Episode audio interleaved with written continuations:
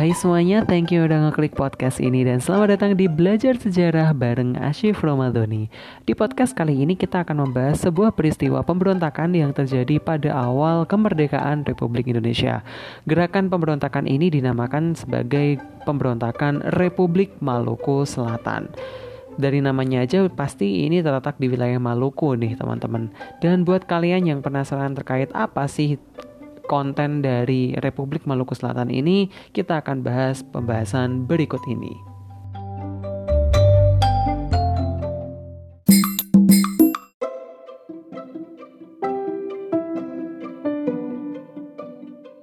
Dalam pembahasan Republik Maluku Selatan ini, seperti biasanya, aku selalu mengambil beberapa referensi dari beberapa sumber yang bisa dipertanggungjawabkan nih teman-teman. Jadi aku mengambil beberapa referensi di antaranya ada buku, lalu ada beberapa dari jurnal, dan juga ada beberapa dari uh, sumber-sumber uh, yang itu bisa dipertanggungjawabkan. So buat teman-teman yang mungkin mau berdiskusi atau kita sharing-sharing mengenai uh, RMS ini, kita bisa banget nih sharing-sharing gitu kan. Karena apa? Sharing is caring teman-teman. Karena aku yakin apa yang aku dapatkan dan apa yang aku sajikan dalam konten podcast kali ini tentu nggak semuanya akan memuaskan kalian gitu kan. Jadi pesan aku selain kalian mempelajari uh, beberapa konten di buku ataupun dari podcast yang aku bikin ini, kalian juga bisa mencari beberapa referensi-referensi terkait di berbagai uh, situs-situs uh, yang terpercaya. Di antaranya ada kalian bisa akses buku di Perpusnas atau Perpustakaan Nasional atau mungkin bisa akses di berbagai uh, perpustakaan yang ada di daerah kalian atau mungkin di berbagai perpustakaan yang ada di kampus-kampus atau di jurnal-jurnal yang itu terakreditasi dengan baik. Di konten podcast kali ini, aku akan menyajikan beberapa informasi terkait dengan bagaimana penyebab dari pemberontakan Republik Maluku Selatan, lalu yang kedua bagaimana jalannya sebuah peristiwa ini, lalu yang ketiga bagaimana upaya penyelesaian dari pemberontakan Republik Maluku Selatan.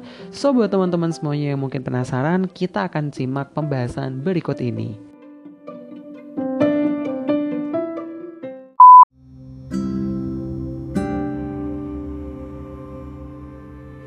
Pertama kali kita bahas di sini adalah pastinya penyebab gerakan Republik Maluku Selatan. Dari namanya aja nih teman-teman, Republik Maluku Selatan atau singkatannya itu adalah RMS. Nah, kita bisa me, apa ya ibaratnya itu me, mengartikan bahwa ini tuh sebuah negara ya kan namanya aja negara republik gitu kan. Republik Maluku Selatan berarti ini adalah sebuah negara republik yang itu terletak di wilayah Kepulauan Maluku nih teman-teman.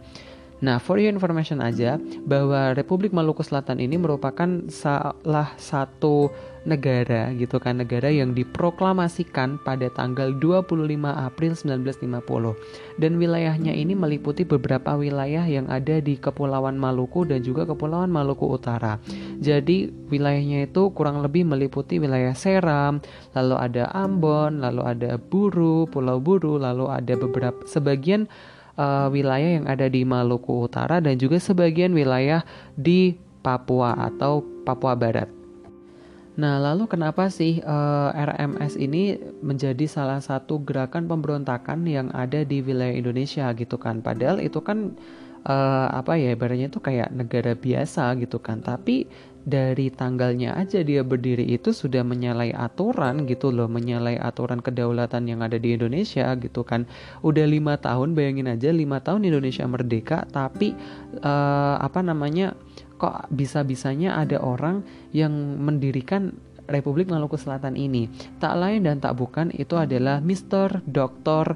Christian Robert Sumokil. Nah, Sumokil ini merupakan seorang mantan jaksa agung di negara Indonesia Timur.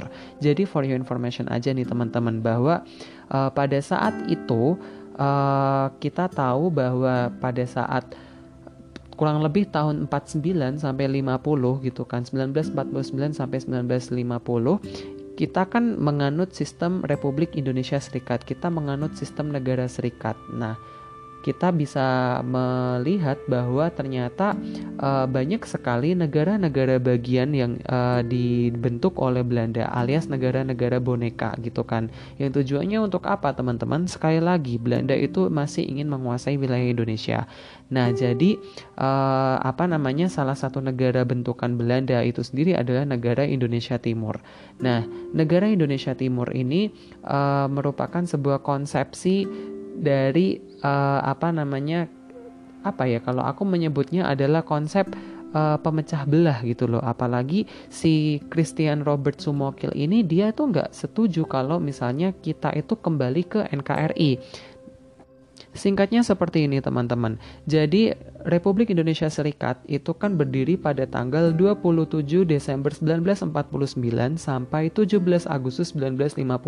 Nah, menjelang tahun 50-an gitu kan, menjelang tanggal 17 Agustus 1950 ini eh, beberapa tokoh ini sadar bahwa ternyata konsep dari negara Republik Indonesia Serikat ini ternyata ya menjadi pemecah di antara kita gitu kan. Nah, makanya eh, beberapa tokoh dan beberapa negara-negara boneka di wilayah Indonesia ini memutuskan untuk ayo kita bersama-sama kembali ke dalam bentuk negara kesatuan Republik Indonesia, bukan negara Republik Indonesia Serikat. Nah, salah satu tokoh yang tidak setuju ini namanya adalah Mr. Dr. Christian Robert Sumokil ini. Dia itu nggak setuju gitu loh. Dia nggak setuju dengan uh, apabila kita itu kembali ke konsep NKRI gitu loh. Padahal dia itu sudah nyaman sekali dengan konsep Republik Indonesia Serikat. Artinya kenapa? Artinya ya dia nyaman-nyaman aja kalau misalkan uh, ada negara boneka yaitu namanya negara Indonesia Timur karena sekali lagi gengs, si Sumokil ini itu merupakan mantan jaksa agung di negara Indonesia Timur. Nah, karena hal inilah gitu kan, si Sumokil ini kemudian memutuskan untuk memproklamasikan berdirinya Republik Maluku Selatan dalam hal bertujuan untuk menolak berdirinya NKRI. Jadi dia itu menolak uh, untuk bergabung kepada negara kesatuan Republik Indonesia. Dia juga mengecam bahwa ngapain sih Indonesia Timur, negara Indonesia Timur tuh harus kembali ke wilayah kekuasaan Republik Indonesia kembali gitu kan. Nah, dia itu ini kemudian mencoba untuk melepaskan wilayah-wilayah yang ada di Maluku Tengah dan juga wilayah-wilayah di negara Indonesia Timur itu dari Republik Indonesia Serikat dengan membentuk sebuah negara baru namanya Negara Republik Maluku Selatan. Nah, berdirinya Republik Maluku Selatan ini langsung menimbulkan reaksi dari pemerintah yang merasa bahwa RMS ini bisa jadi sebuah ancaman bagi keutuhan Republik Indonesia Serikat pada saat itu. Nah, dari hal itulah pemerintah langsung mengambil beberapa langkah-langkah di antaranya itu ya mau tidak mau uh, melalui Jele Mena. Jele Mena ini merupakan uh, salah satu menteri yang bertugas pada masa itu itu me, apa namanya menyampaikan permintaan damai kepada RMS. Nah, tentu saja uh, si Leimena ini, Jele Mena ini meminta kepada uh, Sumokil untuk RMS itu biar bergabung kepada negara kesatuan Republik Indonesia aja gitu loh. Tapi malah ajakan damai itu ditolak oleh Sumokil. Malah si Sumokil ini kayak meminta bantuan dan perhatian dan malah meminta pengakuan negara lain gitu loh. Terutama itu malah minta bantuan sama Belanda, lalu Amerika Serikat sama komisi uh, di yang ada di Perserikatan Bangsa-Bangsa terutama untuk Indonesia. Kayak cari perhatian aja nih ya si Sumokil ini, gengs. Nah, karena ajakan perdamaian dari pemerintah itu ditolak oleh Sumokil gitu kan, secara tidak langsung pula pemerintah langsung memutuskan untuk melakukan ekspedisi militer. Jadi, uh, pemerintah Indonesia itu langsung melakukan upaya penyerangan terhadap wilayah RMS itu sendiri. Nah, jadi pemerintah melalui uh, eh, AEK Wilarang gitu kan, dia langsung memimpin sebuah ekspedisi militer yang tujuannya adalah untuk menguasai beberapa wilayah yang ada di Indonesia Timur. Nah, wilayah-wilayah yang ada di Indonesia Timur inilah itu dikuasai kembali karena wilayah-wilayahnya itu ya karena dikuasai oleh orang-orang RM pro terhadap RMS itu sendiri. Nah, perjuangannya akhirnya mereka tuh bisa menguasai kembali kota Ambon karena kota Ambon ini kan merupakan uh, ibu kota dari Republik Maluku Selatan, gengs. Nah, jadi karena kota Ambon ini sudah dikuasai oleh uh, pasukan AEK Wilarang, pasukan dari TNI, kemudian uh, dicari tuh siapa sih dalangnya gitu kan siapa sih uh, otak dari segala gerakan ini. Eh ternyata Sumokil di mana sih si Sumokil ini? Nah Sumokil itu dicari ternyata dia ketemu di tempat persembunyiannya.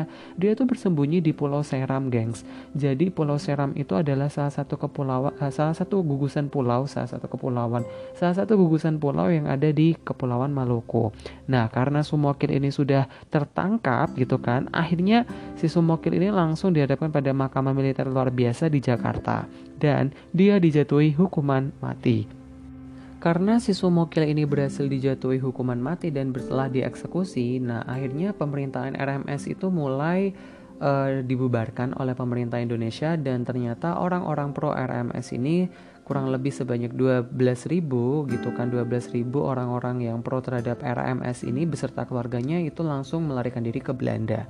Dan Meskipun ya pemberontakan RMS itu sudah selesai pada saat itu pada tahun 1950 sampai 1962 gitu kan 62 63 tetapi banyak sekali orang-orang Maluku yang pro terhadap RMS itu justru malah mereka tinggal di Belanda dan mereka memperjuangkan kemerdekaan dari Republik Maluku Selatan ngeri ya ternyata uh, apa namanya pemberontakan RMS itu sendiri. Karena pemberontakan RMS itu hampir sama kasusnya seperti gerakan Aceh Merdeka gitu kan. Kasusnya hampir sama. Tapi ya kita tahu gengs bahwa RMS sendiri bahkan sampai bulan April 2010 itu kan uh, melalui presiden kelima RMS itu sendiri John Watilete dia tetap mengupayakan bahwa RMS merupakan sebuah negara yang berdaulat di Indonesia. Tapi uh, tuntutan John Watilete ini di Mahkamah Internasional di Den Haag pada saat itu tidak diterima dengan baik oleh Mahkamah Internasional.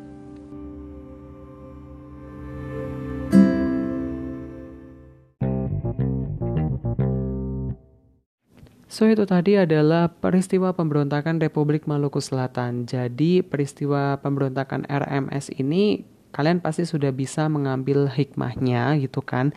Dan kalian juga harus bisa uh, mengapa ya ibaratnya itu langsung menyimpulkan bahwa setelah ini aku mau ngapain dan aku harus ngapain aja gitu loh apa yang harus aku lakuin itu harus tahu gitu gengs karena apa sekali lagi aku tekankan kepada kalian kepada teman-teman semua pendengar setiaku bahwa Indonesia itu terdiri dari keberagaman. Adanya keberagaman ini ya memang kita berbeda gitu kan. Tujuannya kita itu berbeda itu adalah agar disatukan kan gitu.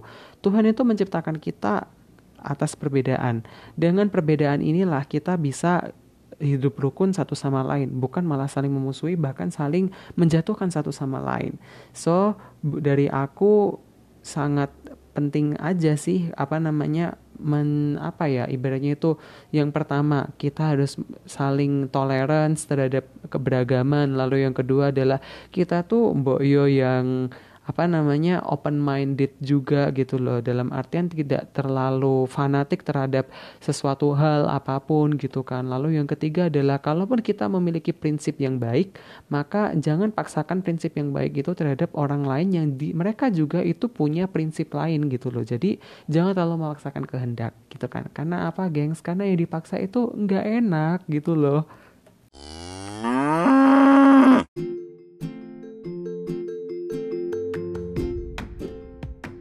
So thank you banget ya udah dengerin podcast aku. Semoga apa yang kita dapatkan hari ini bermanfaat dan aku sangat terbuka banget nih buat teman-teman semuanya yang mungkin memiliki referensi atau pandangan yang lain terkait dengan peristiwa pemberontakan Republik Maluku Selatan ini bisa DM di Instagram aku @ashifromadoni atau mungkin bisa at Facebook aku di Ashif Romadoni dan atau kita juga bisa saling uh, follow di LinkedIn juga di Ashif Romadoni. Aku sangat senang banget dan aku sangat terbuka suka banget terkait dengan kritik saran dan juga konten-konten berikutnya. So dari aku terima kasih banyak buat kalian. Semoga sehat selalu dan juga tetap belajar di rumah dan thank you.